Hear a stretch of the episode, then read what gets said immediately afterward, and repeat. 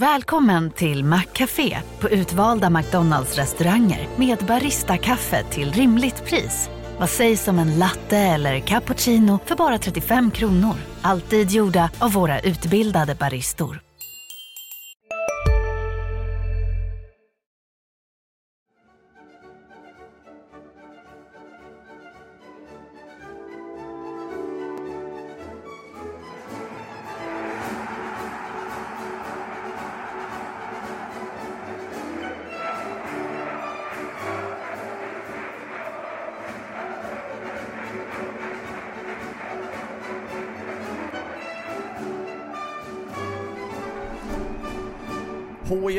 Igång med försäsongsmatcherna. Den första spelades i lördags och då vann HIF planenligt med 4-0. Den matchen ska vi syna. Hur mycket man nu kan syna en match, hur mycket man kan gå in djupt i en första eh, träningsmatch för säsongen. Många spelare som luftas och Ja, det kanske inte är så att spelet sitter till 100%. Sebastian Rönnström är med idag igen och Erik Persson gör comeback i HIF-podden. Äntligen! Välkommen Se tillbaka! om det blir en bejublad comeback. Det blir det alltid när du är med i HIF-podden. Då är det bejublat. Och vi ska prata också om silly season-läget. Det finns några namn som eh, vi behöver ta upp där och som vi funderar kring också, för det är rätt många på kontrakt dessutom i HIF-truppen. Kanske titta lite mot nästa match också, mot danska Vidovre. Och den eh, sänds ju på hd.se, bara en sån sak. Precis! Det får ni inte glömma. hd.se, det är där det gäller, händer. Ja, Erik Persson, Sebastian Rönnström, ni båda var på Laröds IP, Ja, det är underbart mysigt där. eller hur? I lördags. Eh, Du var där i tjänst Erik och du var där privat Sebastian. Det som var gemensamt var att ni båda fick se fyra HIF-mål och noll Hittarps-mål. Eh, Eh, det stämmer, vi stod bredvid varandra och eh, ja, drog våra reflektioner under matchens eh, gång. Eh, och landade väl i att det var, eh, det var väl ungefär vad man kunde förvänta sig. Eh, HIF visade väl en, en del goda tendenser och fick av förklarliga skäl eh, träna en del eh, anfallsspel. Eh, så ska det ju vara när det skiljer sig X antal eh, nivåer mellan lagen.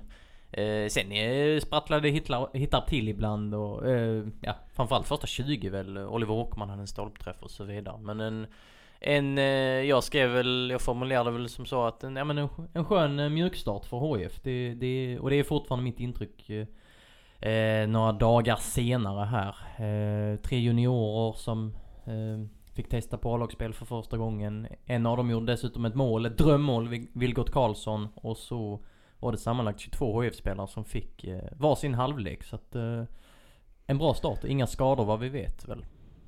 Nej, det har inte vad jag har eh, fått någon information om i alla fall. Så det, eh, nej, jag, jag håller med dig om att det var en, eh, en genomkörare som, eh, ja men det kändes som att det var väl ändå lite av de svaren man, man ville se i, eh, i matchen. HF eh, som, eh, som du sa styrde ju spelet mycket och det, det ska de ju göra. Men det var inte den här känslan av att det var lite ringrostigt eller krampaktigt som det kanske för många lag kan vara i första träningsmatchen. Utan jag, jag tycker det var på en nivå man, man kunde förvänta sig och, och en stabil prestation där, där HF försökte Eh, eller också lyckades med att och spela, spela bra fotboll och, och kom med, med fart framåt och hitta in eh, i intressanta ytor. Så det tycker det ändå fanns, fanns mycket att ta med sig.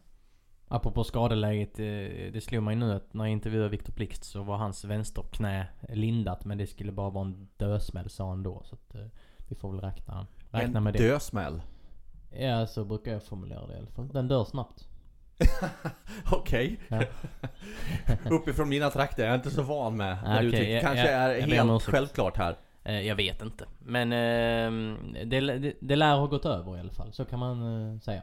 Ja, sen på, på, eh, på en eh, individuell nivå om vi ska ta ut mm, liksom några tecken där. Jag tycker alltid det är svårt att ta ut signaler så här tidigt. Och framförallt när man möter ett lag från Eh, så pass mycket lägre nivå. Man får, man får ta det med en rejäl eh, nypa salt. Men jag tycker William Davidsen Nyförvärvet från eh, Vejle eh, visade upp en väldigt bra inläggsfot med vänstran. Det, det var inget inlägg som fastnade på första gubbe utan det, det, det kom till, till rätt yta varenda gång. Lukas Lingman såg ja, men lite skönt kreativ ut också. Och det är klart att det är lättare i en sån här match. Han fick ju ytor som han inte kommer få på samma sätt i Allsvenskan och så. Men en, en, eh, ja, men en lovande start av honom också tycker jag. Nye finländaren från HIK. Och om det nu är så att det eventuellt är någon som lyssnar av er där ute som inte riktigt har fullt koll på de här nya spelarna. Var spelar de? På planen? Eh, William U. Davidsen, eller Viljo som han kallas i HF-kretsar redan. Eh, vänsterback, Lukas Lingman, eh, inomhittfältare. Eh, vänsterback ersätter då Brandur... eh, Nej. Eh, Bödvar, Bödvar Bödvarsson, du var nära. Bödvar, Bödvar Bödvarsson. Står det still i skallen. Nej men Bödvar Bödvarsson. Eh, kunde man se redan här att det finns mer offensiva krafter i Nej. färingen? Eh, Just inläggsfoten, återigen, detta var liksom 45 minuter in i match mot hittat. Men just inläggsfoten där, det sa vi också till, till varandra Sebbe att eh, något av de här inläggen från Bödvar Bödvarsson hade nog hamnat någon annanstans. På lite mer, med lite fel adress. Eh, nu så var det kliniskt på ett annat sätt. Sen är det för tidigt att dra i, liksom slå på någon stor trumma. Men eh, där, där tyckte jag mig se någon form av skillnad. Tycker också man, man såg eh, av det, det lilla man fick se i den här matchen eh, att där fanns eh, ett, eh, ett driv och ett brinn i, i honom som var intressant. Han har ju beskrivits och varvats som och för att vara en karaktärsspelare och det han var, kändes rejäl i sitt spel och, och var verbal lät, också. lät eh, mycket på, eh, på planen. Så, eh, ja, lo, lovande tendenser från honom. Det är väl om jag också ska plocka ut någon spelare som stack ut så, så vill jag nog nämna honom. Viktor Blixt, som vi också snuddade vid, gjorde också en bra första halvlek som, som högerback då.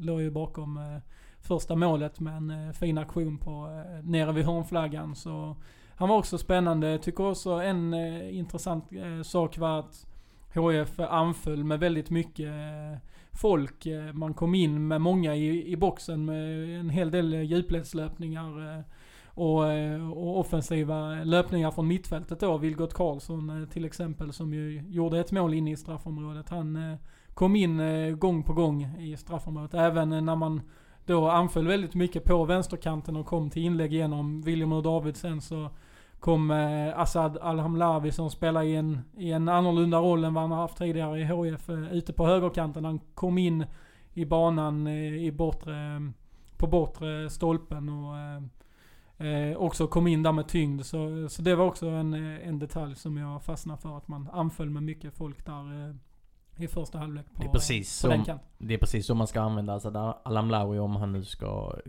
konkurrera. Det blir svårt att konkurrera ut Willem Löper på den positionen. Men om, om han ska få någon speltid i den positionen vid, via inhopp eller om, om Löper är skadad och så vidare. Så är det ju så man ska använda honom. Medan Löper ju är en, eh, ja men en av eh, elitfotbollens eh, starkaste inläggsspelare i, i, i Sverige just nu. Även om han jobbar på, och det syntes i den här matchen, att komma in i centrala ytor och bli mer liksom, attraktiv och kreativ där också. Så, så är det två olika profiler. Så använder man sig av Asad Al-Amlawi i en liten ovan roll där till höger så, så ska han ju ändå fun- fungera lite mer som en eh, centertank än, än bara en normal inom situationstecken eh, höger ytterforward kanske gör. Olika lag första och andra halvlek i HIF. Ska vi dra dem eller? Ja, det kanske vi ska göra så att eh, alla ni som lyssnar får en liten återkomst till hur det såg ut. Ja men då gör vi det då. Eh, I första halvlek, Kalle Olsson i mål, Viktor Blixt. Eh, jag kör ju alltid från höger, vilket jag tycker är korrekt. Så eh, Viktor Blixt, Kasper Videll, eh, William Westerlund. Eh, en lovande junior. William Moore Davidsen. Och så mittfältet Vilgot Karlsson, Lukas Lingman, Adam Kajed. Och så där framme från trion Asad Alamlawi, Rasmus Karjalainen och Rasmus Jönsson. Eh, och så uppställningen i andra halvlek. Målvakt Alexander Nilsson. Eh, backlinjen från höger. Leo Frigel Jansson som gjorde en assist. Ali Suljic, Charlie Beberg. Emil Hellman. Mittfältet med Benjamin Aqua, Viktor Lundberg, Brandor Henriksson och så där framme Willem Löper, Anthony van den Hoek och Dennis Olsson. Uh, försöker snabbt här hänga med i alla dessa namn, men det var ett par saker som jag reflekterade över. Om vi tar första halvleks start 11 då. Eh, 4-3-3 kunde jag läsa ut i båda halvlekarna utifrån det du läste upp. Ja, och det är ju kommunicerat sedan tidigare att det kommer likna ett eh, 4-3-3 eller ett eh, 4-3-1 beroende på lite vilka man möter. Jag tänker Djurgården borta så tror jag man kommer köra mer ett 4-2-3-1 kanske när man har, har två liksom sittande sköldar. Eh, och i andra matcher så kanske man kör en sexa som vi kallar det. En sittande mittfältare och två åttor som är i lite mer framskjutna roller. Eh, och i en sån här match när man tränar mycket anfallsspel så var det naturligt att köra eh, en, en sexa och två åttor. Två andra frågor. Första halvleken. Som du läste upp det, Rasmus Jönsson uppe i den offensiva trean såklart till vänster. Ja, jag, jag vet inte om man ska säga såklart för att det var ju någon form av... Eh, det är ingen jätteöverraskning men eh, lite att man kan fastna där. Att han spelar där och inte som åtta på innermittfältet.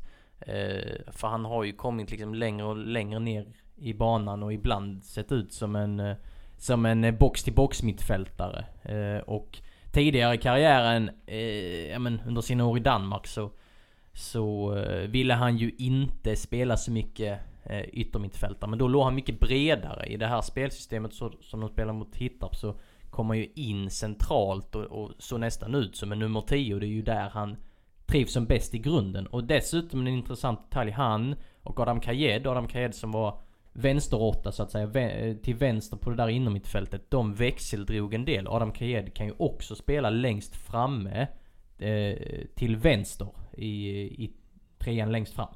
I fronttrion där. Så att, att de växeldrog där, det är intressant. Det, det, om de hittar någon form av kemi där så, så kan det vara något att bygga vidare på tror jag.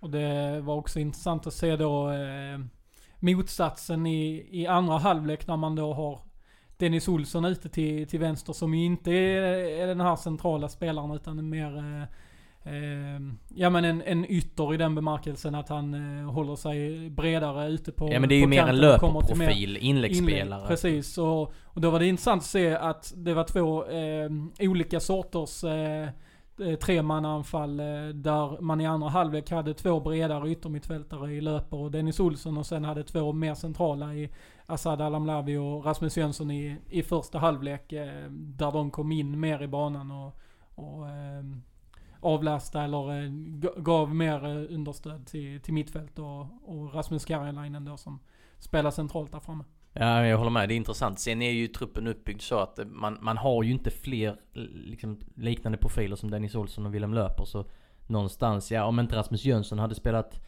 eh, vänsterforward så hade Adam Kajed eller Benjamin Akra spelat där och då hade det ändå blivit den profilen att i grunden är det en, en tia som vill söka sig inåt centralt. Och Asad Alamlawi har vi då, har vi då nämnt. Han blir ju någonstans över eller vad man ska säga. Han, han funkar ju mycket bättre som en som en ytterforward än vad Rasmus Kajalainen gör exempelvis. Rasmus, Ka- Rasmus Kajalainen är ju bara utpräglad nia.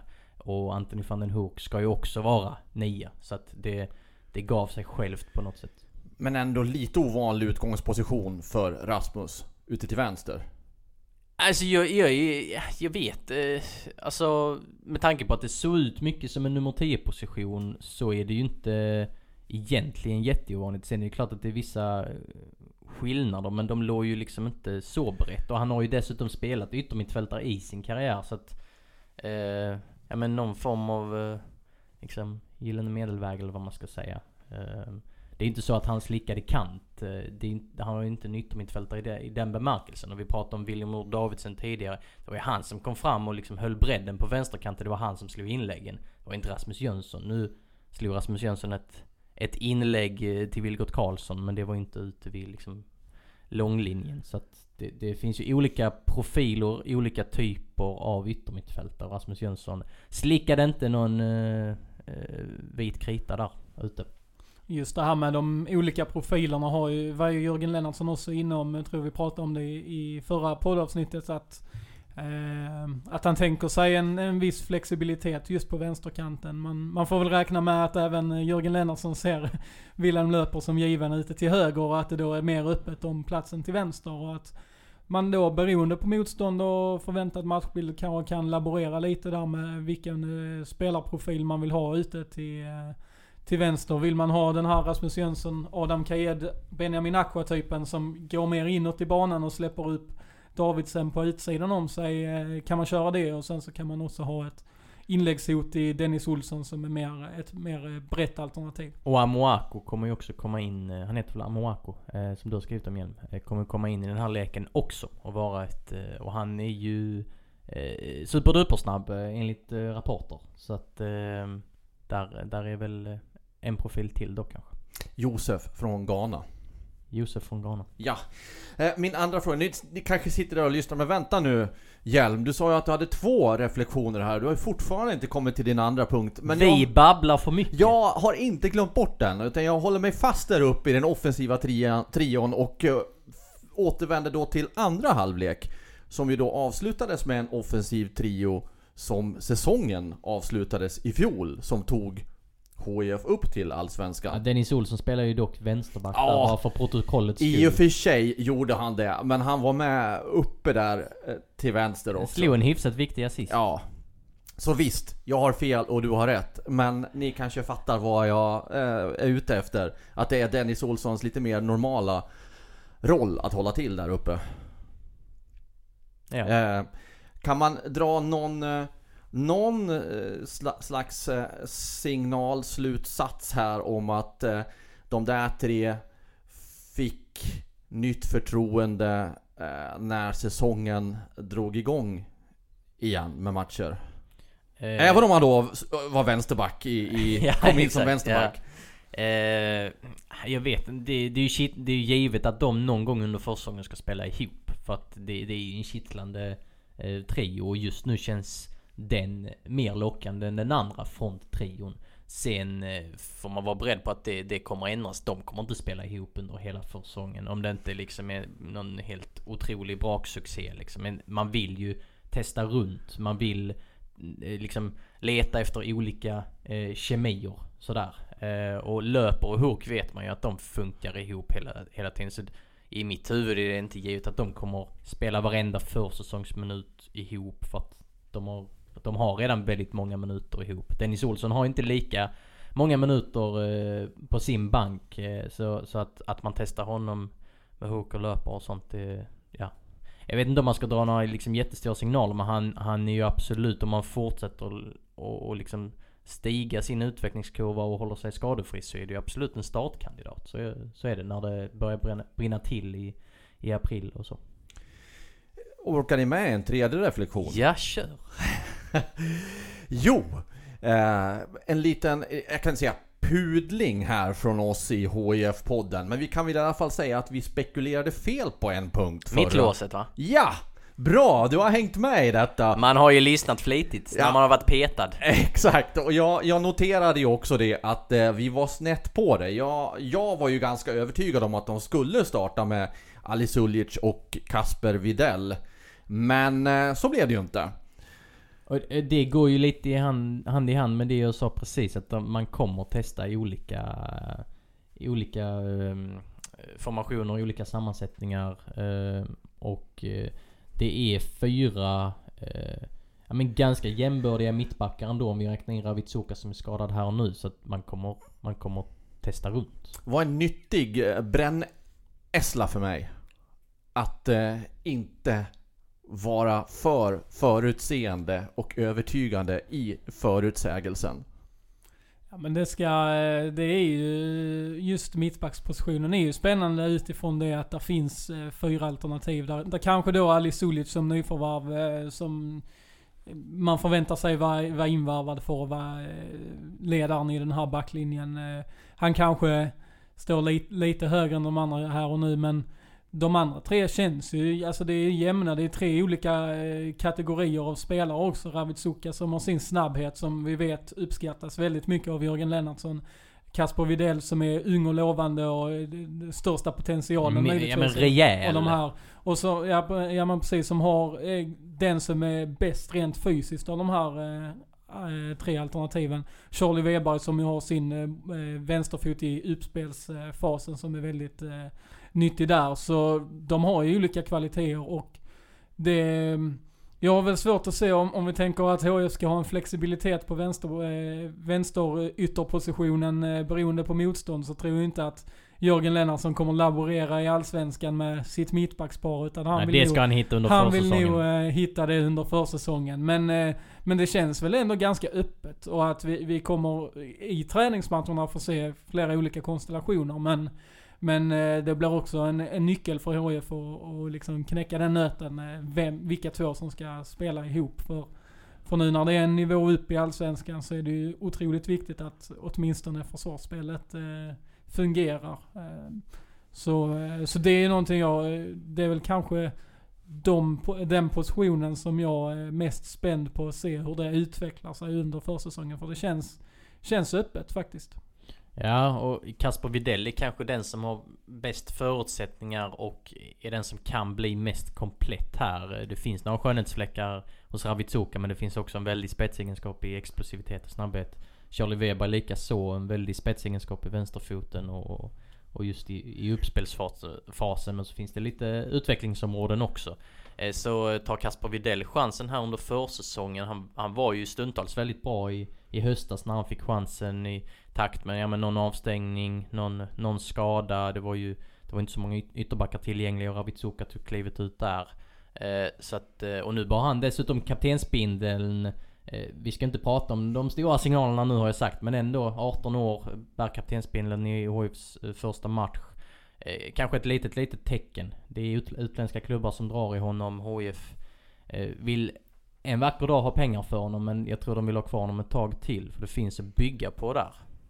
Ja, och just att, eh, alltså med tanke på den potentialen man, eh, han har och den, eh, alltså den möjligheten HIF har att kunna tjäna pengar på honom så, så måste man ju också ge honom chansen så småningom. Det, han, han kan ju inte sitta på bänken i 30 matcher i Allsvenskan om man vill se honom göra en stor försäljning. Så, eh, så där är ju en faktor som också definitivt spelar in i det hela. Ja, det är ju faktiskt en faktor. Så, alltså, säg att det är 50-50 mellan eh, Videll och någon annan mittback. Så kanske det tippar över just för att Videll är än mer försäljningsbar än eh, exempelvis Charlie Weber och eh, Ravitsuka. Ja, eh, vi har inte nämnt alla målskyttar va? Det har vi inte. Nej, det bör vi väl eh, ändå leverera i en HIF-podd, eller? Ja, kör. Ska jag göra det? Eh, du har nämnt en. Vilgot Karlsson. Ja, och Sebbe nämnde ju Assad. Victor, Victor Blixts eh, assist till Assad. Assad Al-Amlaoui som blev årets första HIF-målskytt. Precis, och sen Brandur Henriksson och Anthony van den Hurk. Den sistnämnda är ju mer eh, en van målskytt. Ja, Brandon Henriksson eh, fick eh, faktiskt en ganska bra poängkolumn eh, förra året också. Eh, Dennis Olsson med assisten på Brandors mål och Leo Frigell Jansson, mittback i grunden men spelar högerback nu från U19-laget, assisterade Anthony van den Hoek.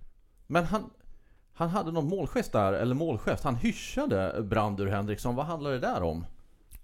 Det är en bra fråga. Det, det vet vi inte men man undrar ju.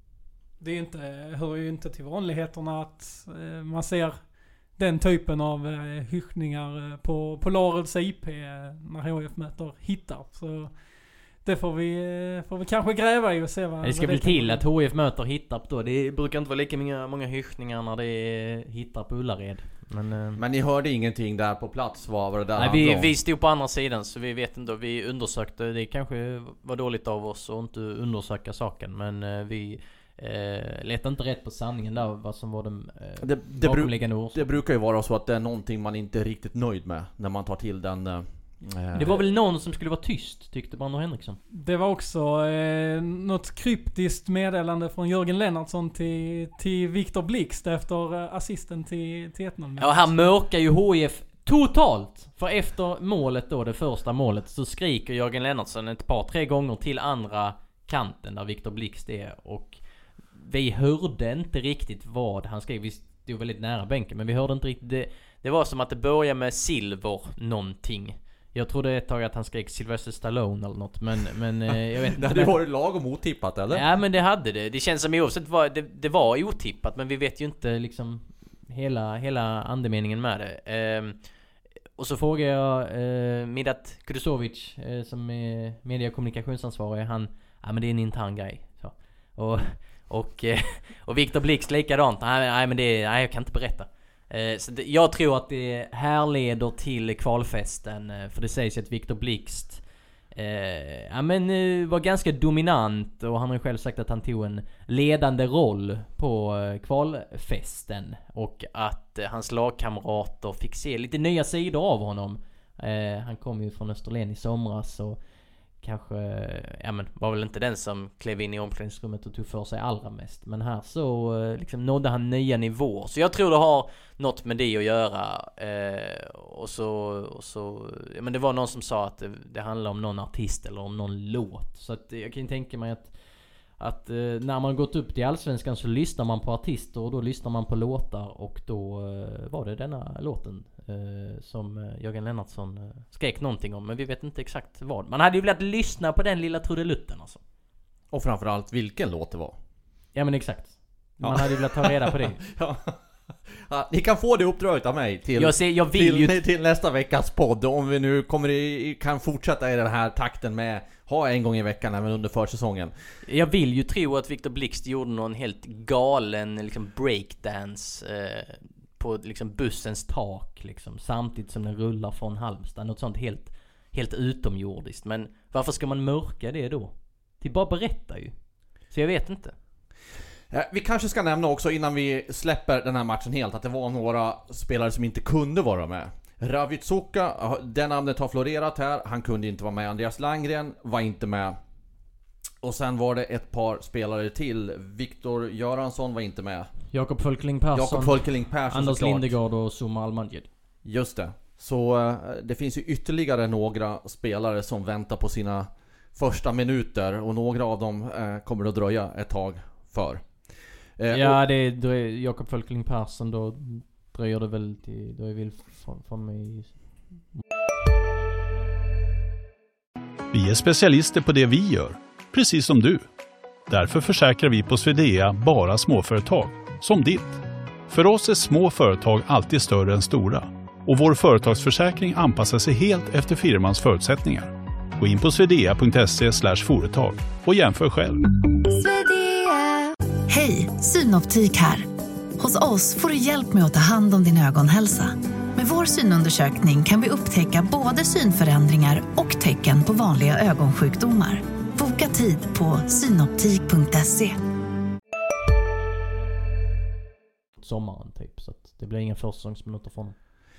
Nej, och sen är det ju också frågan om alla de här spelarna, kanske finns någon i dem som vi räknade upp som, eh, vem vet, får eh, starta om i, eh, i, på någon annan plats för att få de här minuterna. Vi, vi På en annan in- planet trodde jag du skulle säga. Det hade...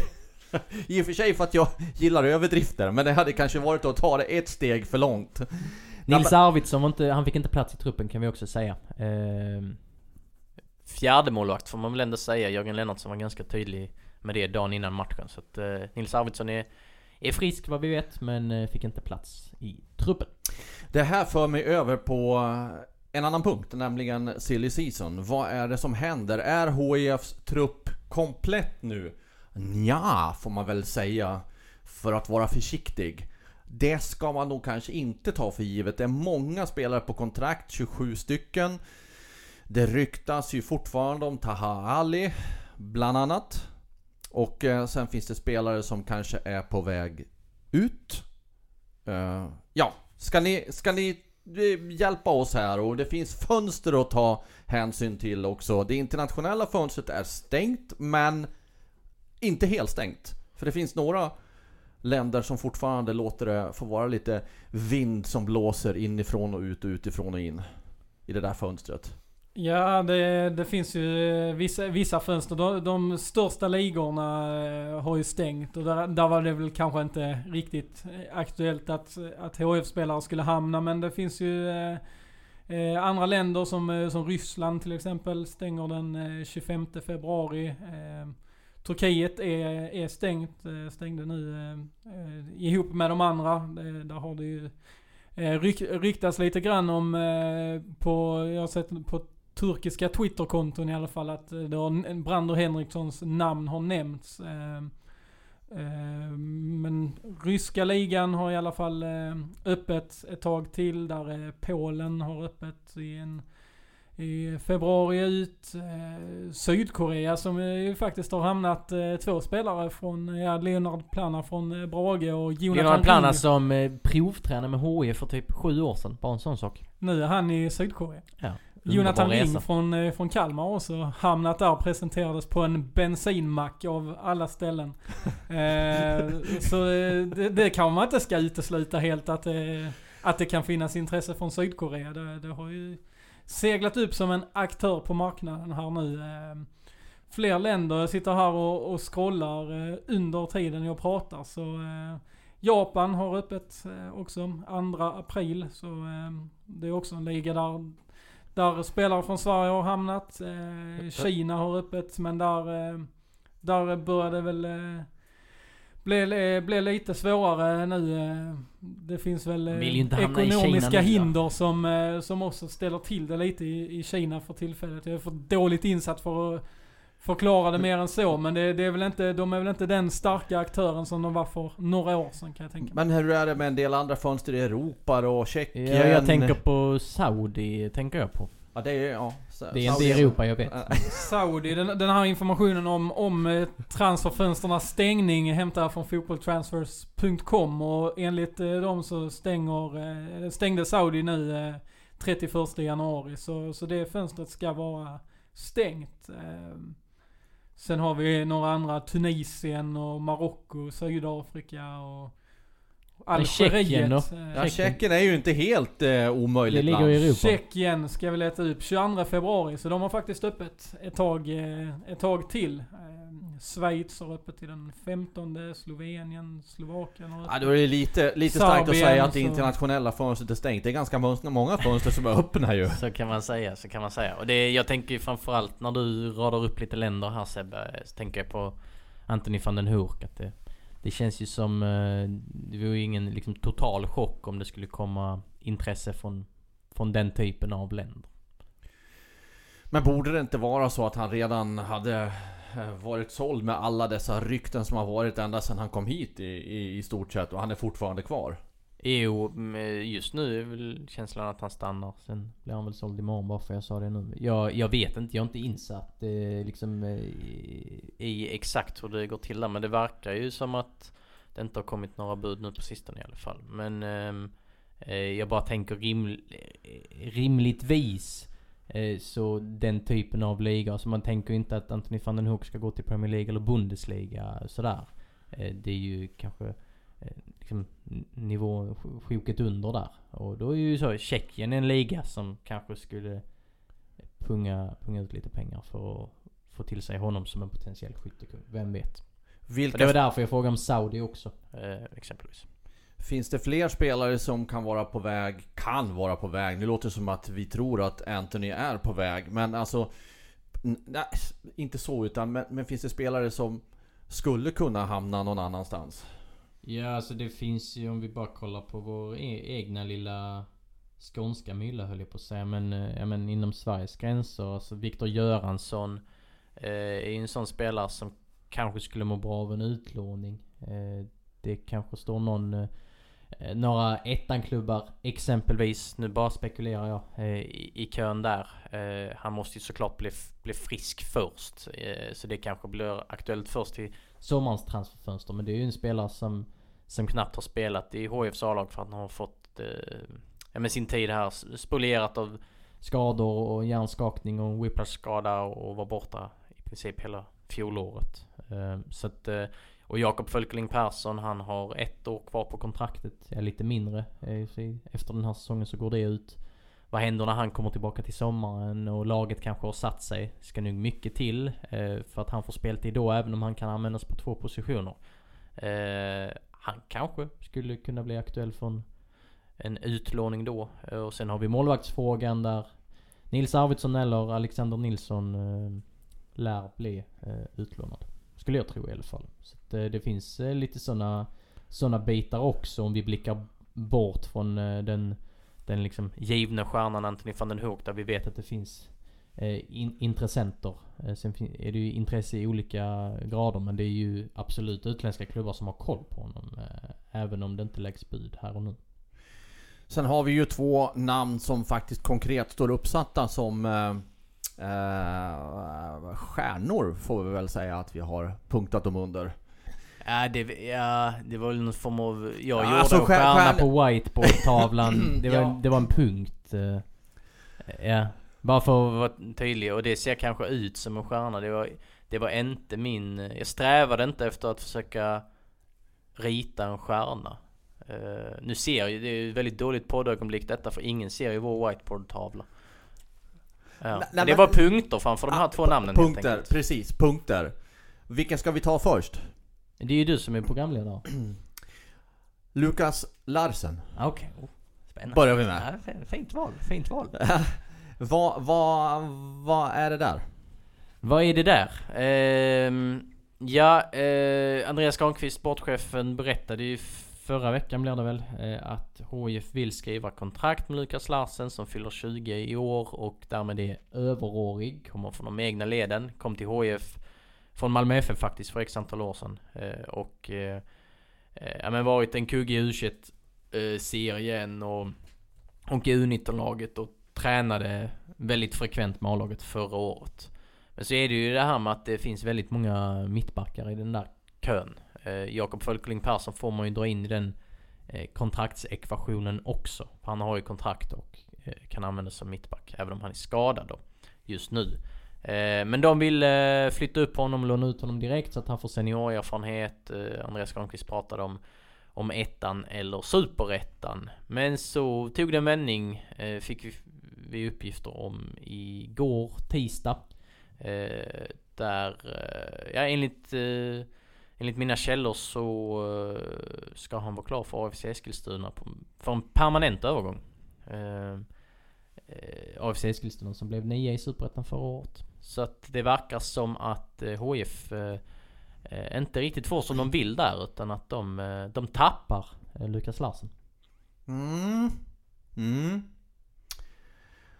Vad, vad tror ni om den övergången för Lukas Larsens egen del i så fall då?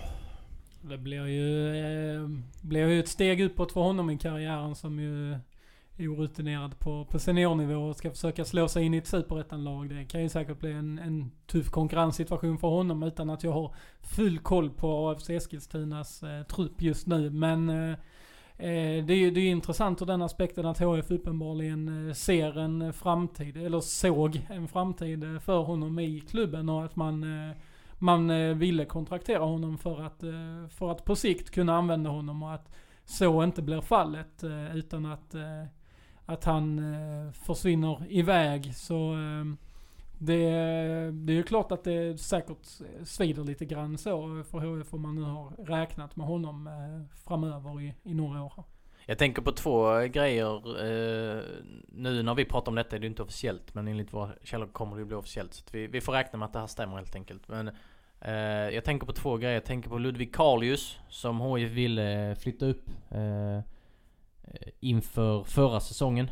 Eh, där han valde Mjällby i Allsvenskan istället och det blev inte särskilt bra. Han blev utlånad till IFK Malmö ettan och så. Där, där vet jag att det fanns en besvikelse i HIF-leden att eh, Ja men de tyckte han gjorde fel för att han Ja men de kalkylerade väl med att han kanske inte skulle ta en startplats i Mjällby Och att han skulle få, ja men ganska rikligt med speltid med HIF i Superettan Det öppnade i sin tur upp för att Viktor Göransson fick ett A-kontrakt ehm, om det är någon besvikelse inblandat här eh, vet jag inte eh, Ludvig Karls, eh, Karlius var ju dessutom en liksom, Helsingborgsgrabb som har spelat i HIF sedan han var fem så kanske extra känsligt på grund av det. Sen tänker jag också om man ser det lite ur Lukas Larsens perspektiv att han väljer det här. Jag, då tänker jag lite på Carl Thulin eh, som hade HF-kontrakt i tre år men eh, visst han fick ett par allsvenska framträdanden och, och lite i Superettan också men där var det ju eh, men långa utlåningsperioder till Eskilsminne i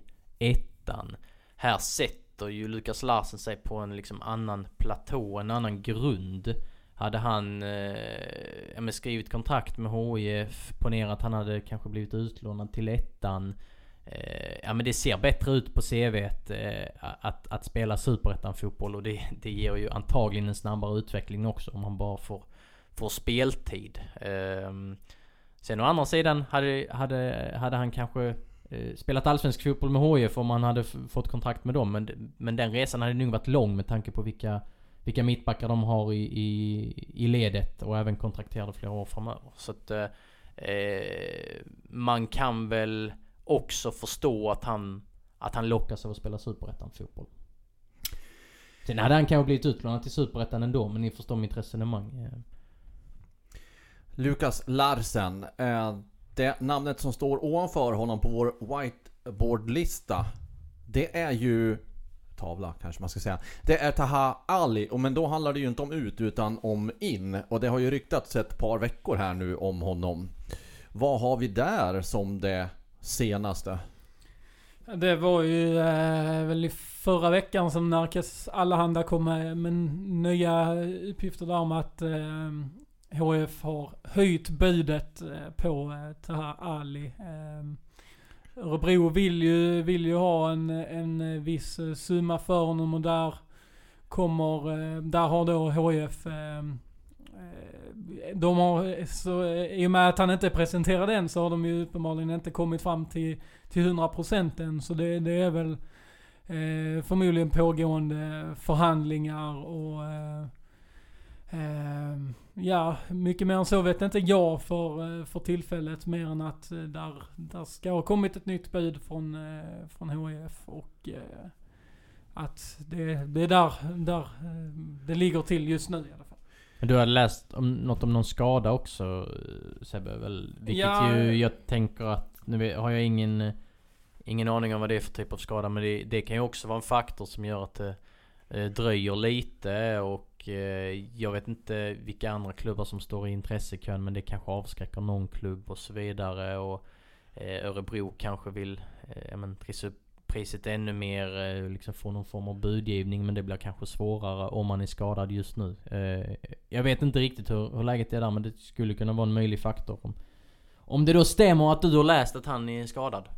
Ja, eh, han eh, har ju då missat eh, stora delar av försäsongen på grund av att han rehabiliterar en, eh, en knäskada som han ska ha dragit på sig under uppehållet. Så, eh, så eh, hans fysiska status just nu är väl, är väl lite oklar på så vis. Men ni som är vana att läsa om eh, övergångar, rykten som realiseras, rykten som sen inte blir av. Kan ni lägga in någon slags bedömning i det här? Det verkar ju ändå finnas ett genuint HIF-intresse. Om man nu har höjt budet också. Ska jag försöka vara någon slags ehm, översättare för alla som lyssnar till oss att ja men det här är på gång, det här är nära. Eller vad, vad ska man dra för slutsatser av allt det här? Eh, jag vet inte, jag, alltså, jag blev ju lite intresserad av, av det där knät. Eh, om, om han, om det stämmer att han är skadad. I vissa fall när spelare inte kommer till spel i försäsongsmatcher som är på väg bort så heter de att de är skadade eller sjuka. Eh, men i själva verket är de bara i förhandling med någon annan klubb. Så är det kanske inte i det här fallet. Och är stämmer det då att det är en skada då vill man ju veta vad det är för typ av skada och om det är allvarligt och så vidare. Så att det gör ju att processen kan bli eh, ja, men lite försvårad och det gör också att att, att jag, jag har lite svårt att sitta på den här stolen och säga om det är nära eller inte. För tänk om han gör en ehm, ja, men medicinsk undersökning och det visar sig att det, det ser illavarslande ut. Eh, och det, det har ju inte jag någon aning om. Men om han har missat eh, eh, ett antal, en tid under försäsongen som du säger här Sebbe. Eh, och, och HIF ändå saltar budet. Så känns det väl ändå som att man haft det här i beaktande och ändå vill ha in honom.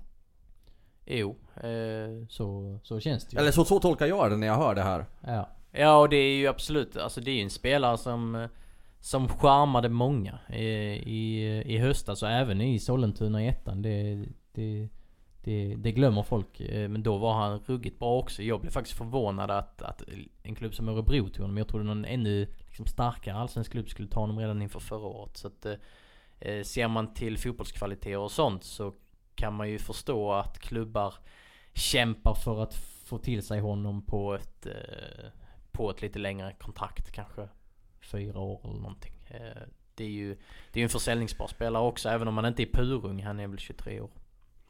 Och han, just med, med tanke på det, den hösten han gjorde i Västerås så är det ju närmast eh, chockerande att liksom Örebro som slogs för sin överlevnad i, i Allsvenskan och misslyckades med att hålla sig kvar. Hade två stycken spelare utlånade till Västerås som gjorde succé i Superettan. Eh, Erik Björndal också. Precis, Erik Björndal.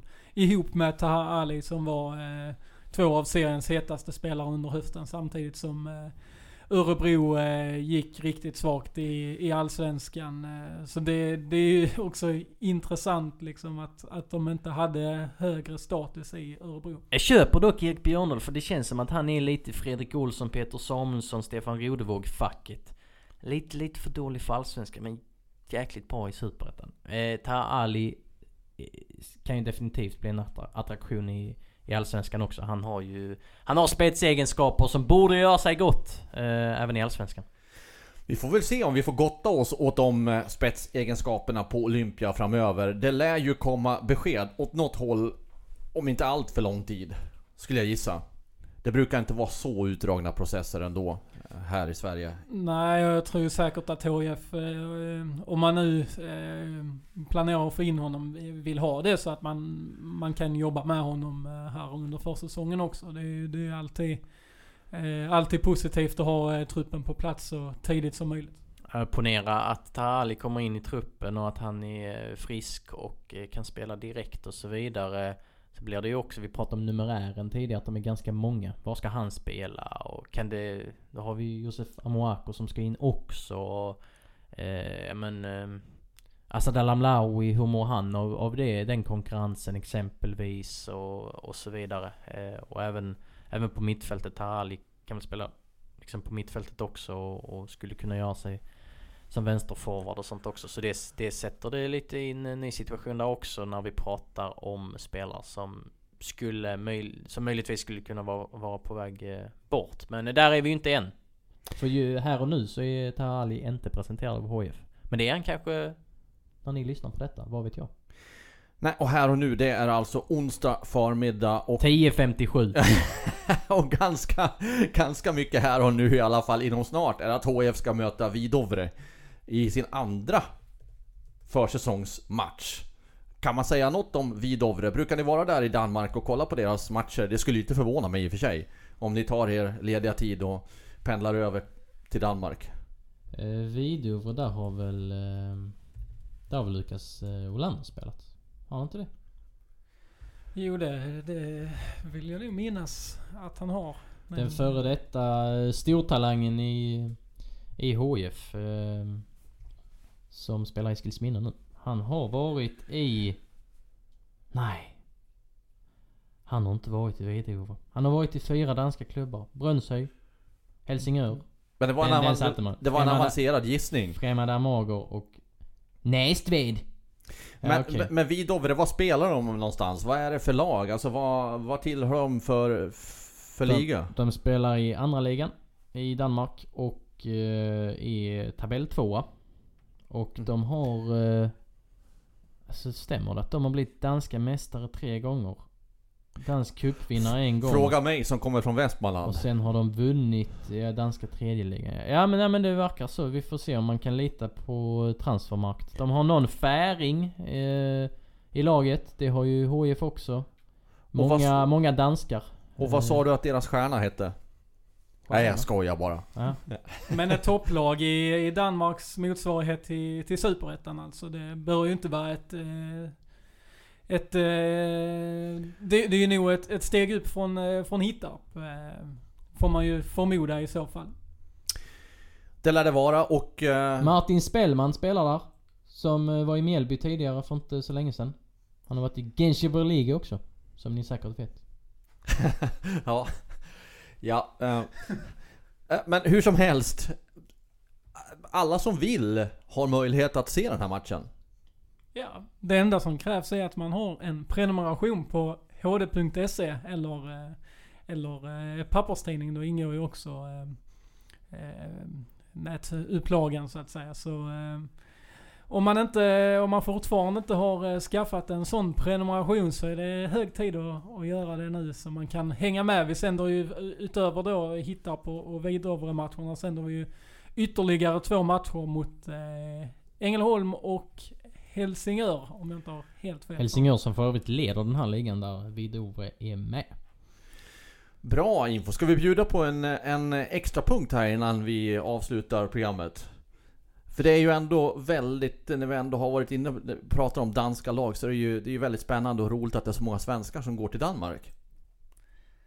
Du tänker Nej, på... Alltså, alltså, ska vi verkligen prata om detta? Nej, jag, jag, jag och Erik eh, stod här eh, innan och var brutalt upprörda över det faktum att eh, flera allsvenska klubbar säljer eh, stora talanger till eh, danska lag och att eh, ekonomin i Danmark eh, sticker iväg i förhållande till, eh, till Ja, och det är inte bara de stora talangerna. Det är ju dessutom Benjamin Nygren får väl klassas som en stor talang. Men när han kommer hem från eh, Belgien och Nederländerna kan han inte komma hem till Allsvenskan istället. Och Karl Björk och... Eh, vad har vi mer? Emil Holm. Emil Holm, Erik. Karl eh, också. Erik Karl, alltså den kategorin som inte är så dominanta. Där snackar vi inte Amo, Bergman Johannesson, liksom klass och talang. Och ska de gå dit också? Och så, ja, det, det är bara en sån där... Det, HIF får kanske se upp, cirkel, eh, alltså. se upp för de eh, danska klubbarna också. När det har ryktats om Kasper Widell till, eh, till Ja, Belgien till exempel. Så alltså. definitivt kan ju de danska klubbarna bli en, eh, en faktor i, i det Eh, eh, Så spelet. FCK hade ju kunnat köpa Anel Ahmedhodzic liksom. Det, de har ju pengar för det. Så att, nej det... Ah, Nej, jobbigt, jobbigt. Man Det- blir lite gråtfärdig faktiskt. Ja, det är absolut inte omöjligt att HFs unga spelare som Widell till exempel, Adam Kajed och de som har visat framfötterna, att de finns på flera danska klubbars radar. nej, det skulle vore konstigt om de inte gör det. definitivt inte eh, förvåna mig om, eh, om så är fallet. Mm. Om det inte, ni som lyssnar, om ni inte har förstått det så är jag ganska mycket för att provocera mina kollegor och hade ni varit med innan vi drog igång den här eh, inspelningen av HIF-podden så hade ni eh, kanske gjort som, som jag, eh, lett lite försynt i bakgrunden för det var det var riktigt starka känslor här inne och jag tänkte bara så här. Ah, perfekt uppladdning för veckans avsnitt. Nu är de riktigt på tårna de här två herrarna. Ja, det gör Så- som man brinner.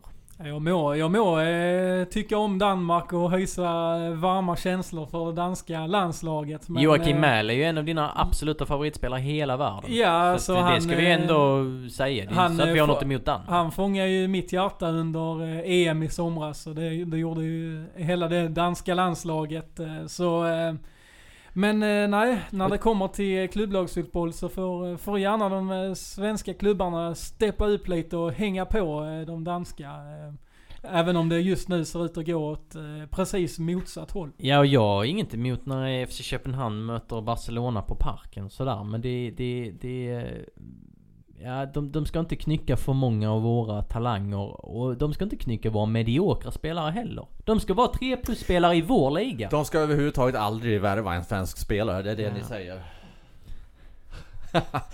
ja, vi, vi stannar där på den punkten. Vi går inte vidare eh, där nu. Det kanske finns anledning att återkomma till det här om det skulle visa sig att något danskt lag köper en spelare från HIF. Vad vet jag? Men för nu tycker jag inte att vi ska prata mer om, om den danska fotbollen utan koncentrera oss på att HIF faktiskt har match igen på lördag. Och vi kommer att vara där och vi kommer att eh, direktsända och vi kommer att ge er allt som vi kan ge er och vi hoppas att ni följer med oss som ni alltid gör. Och så tackar vi er för ert intresse den här veckan i HIF-podden.